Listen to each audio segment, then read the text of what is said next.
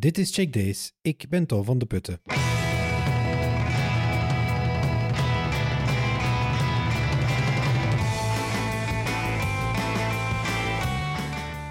Ik wist het, hè. Ik wist het.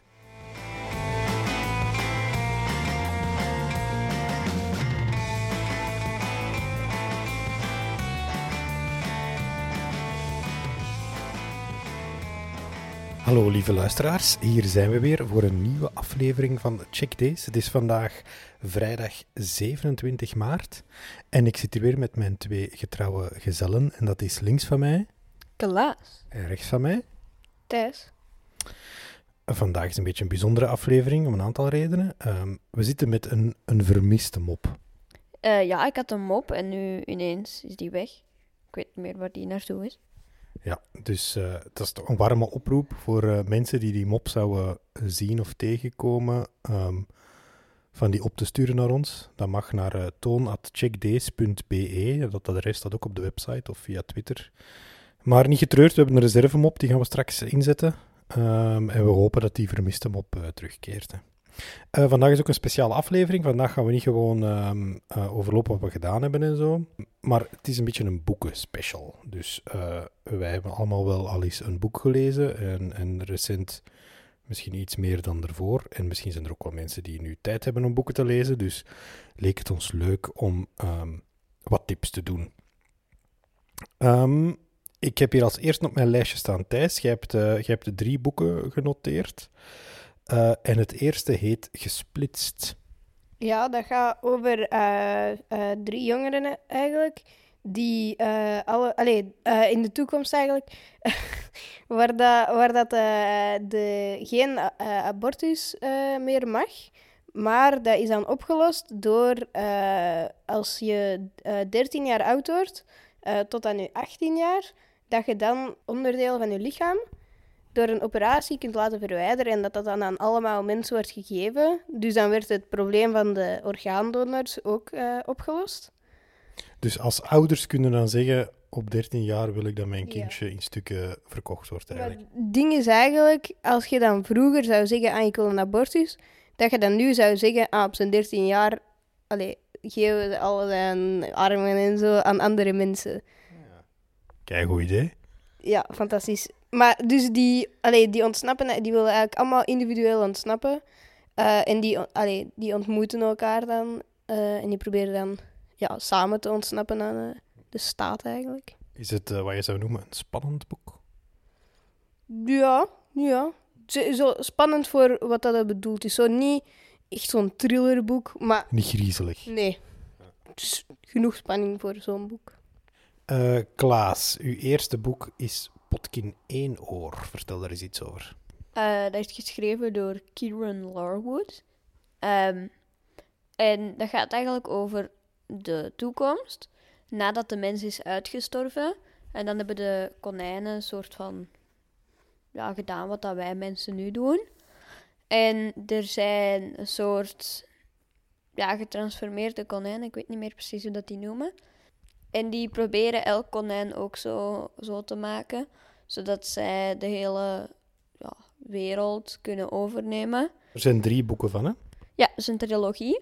En uh, het begint eigenlijk met een Bart. Dan vertelt hij het verhaal van Potkin Eenoor. Dus je hebt eigenlijk twee aspecten. Van de ene is van de Bart die het verhaal vertelt en wat dat die meemaakt. En het andere is van het verhaal zelf. En af en toe uh, wisselt dat zo eens. En daar staan ook tekeningen in, hè? Ja, heel mooie uh, zwart-witte tekeningen. Goed, dan uh, zullen we een van mijn boeken uh, doen. Dat is The Long Way to a Small Angry Planet van Becky Chambers.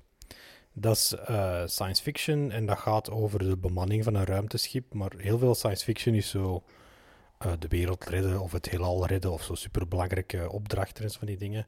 Maar deze gaat eigenlijk gewoon over die bemanning van dat schip. Dat, die hebben een een job en die moeten die gewoon uh, doen. En, en alsof dat je een roman zou lezen over een broodjeszaak op de Death Star of zo. En hoe dat die dat aan de gang houden. Het is heel, heel um, goed geschreven, vind ik. Heel inventief. Um, ook het eerste deel van een trilogie. Uh, maar het zijn elke keer andere personages. Thijs, Eh, dan komen we bij Little Brother. Dat is ook weer in de toekomst, eh, waarin dat de overheid eh, iedereen eh, controleert op alles wat die doen online en op school, op straten, overal camera's. Ehm, en dan één iemand is al allee, lang zo bezig met zo proberen dat te omzeilen en zo. En ineens gebeurt er een terroristische aanval, allee, drie denk ik zelfs, op Brugge. Ehm, en dan proberen ze de terroristen te vinden, eh, de overheid, hè. En eh, arresteren ze per ongeluk hen. En eh, de meeste van hen werden dan vrijgelaten, maar één iemand niet. Allee, ze weten niet wat daarmee gebeurd is, ze hebben daar geen contact meer mee. Dus dan gaan ze zo via bijvoorbeeld Xbox Live proberen zo contact te doen zonder dat de overheid dat kan opsporen. Ehm, en eh, dan eh, proberen ze terug in contact te komen met die vriend of die te bevrijden als hij nog vast zat eigenlijk. Dat is Little Brother van Cory Doctorow. En gesplitst dan er juist, dat was van eh, Neil Shusterman. We zetten die links ook in de show notes, hè. geen angst. Ehm, het volgende is een, een graphic novel. Ja, dat is eigenlijk een heel dikke strip. En dat is Ruimtekruimels van Craig Thompson. En dat gaat over een eh, meisje en die haar mama werkt in een groot bedrijf als naaister.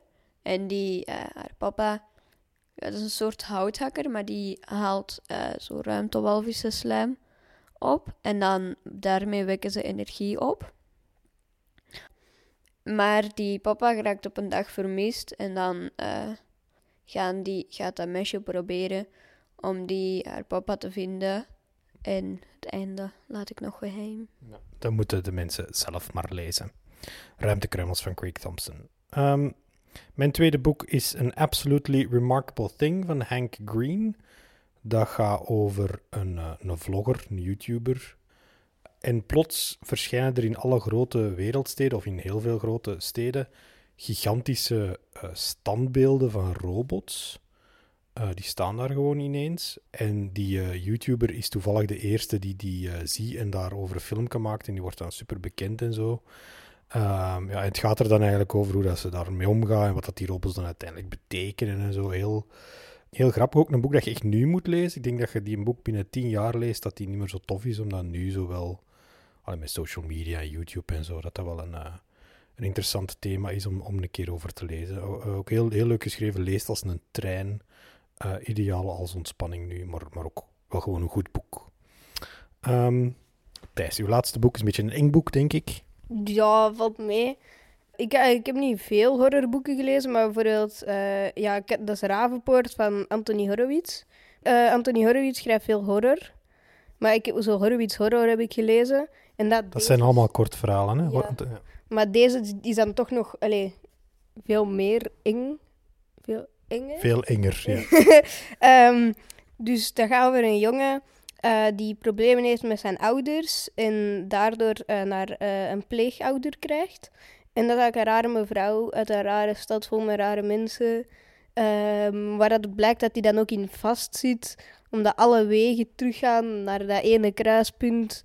En dat, er dat je hoort ook s'nachts rare geluiden en hij gaat dan op onderzoek. En Ja, en het is Anthony Horowitz, dus het is, eh, het is ook wel Ja. goed geschreven. Een heel raar personage. Hè. Eh, mijn derde tip is Het Oneindige Verhaal van Michael Ende. Dat kennen mensen misschien eh, van de film The Neverending Story uit de jaren 80. Ehm, maar die film is eigenlijk maar de helft van het boek, of zelfs minder.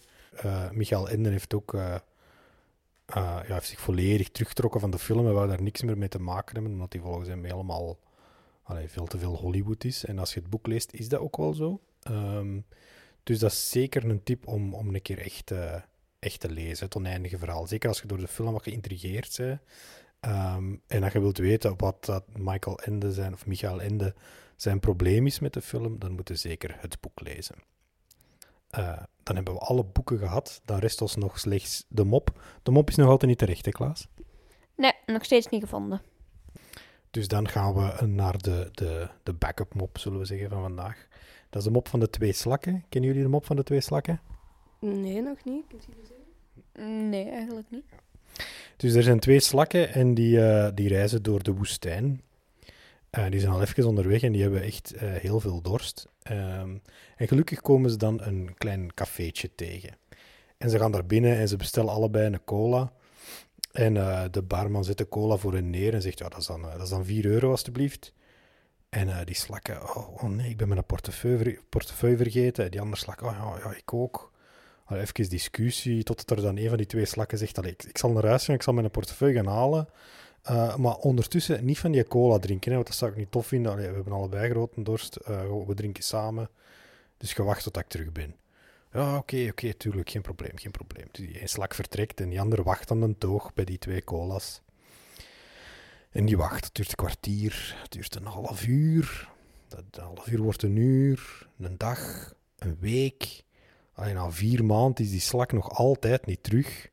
En die slak die aan een toog zit, denkt van, goh, ik heb echt wel dorst. Ik, ik ga toch eens van mijn cola drinken. Dat, dat gaat niet opvallen. klein slokje, dat kan geen kwaad. En dus je pakt zijn cola en je pakt er een klein slokje van.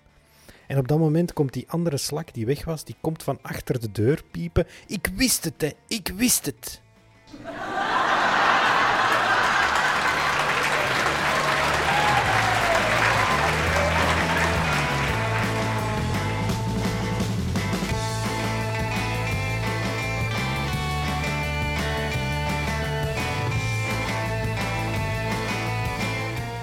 Zo, dat was weer een aflevering van Check Days. Uh, alle tips en alle leuke dingen die we vermeld hebben, die vinden jullie in de show notes. Um, als je dit leuk vond, stuur het door naar je vrienden, je familie, iedereen die thuis zit en die weinig om handen heeft of die veel te veel uh, gamet of tv kijkt en waarvan je zegt, die moet maar eens naar een podcast luisteren. Dan is dit ideaal, denk ik. Lekker kort en uh, we proberen het toch leuk en grappig te houden. En dan hoop ik dat we morgen een paar extra luisteraars hebben. Dankjewel.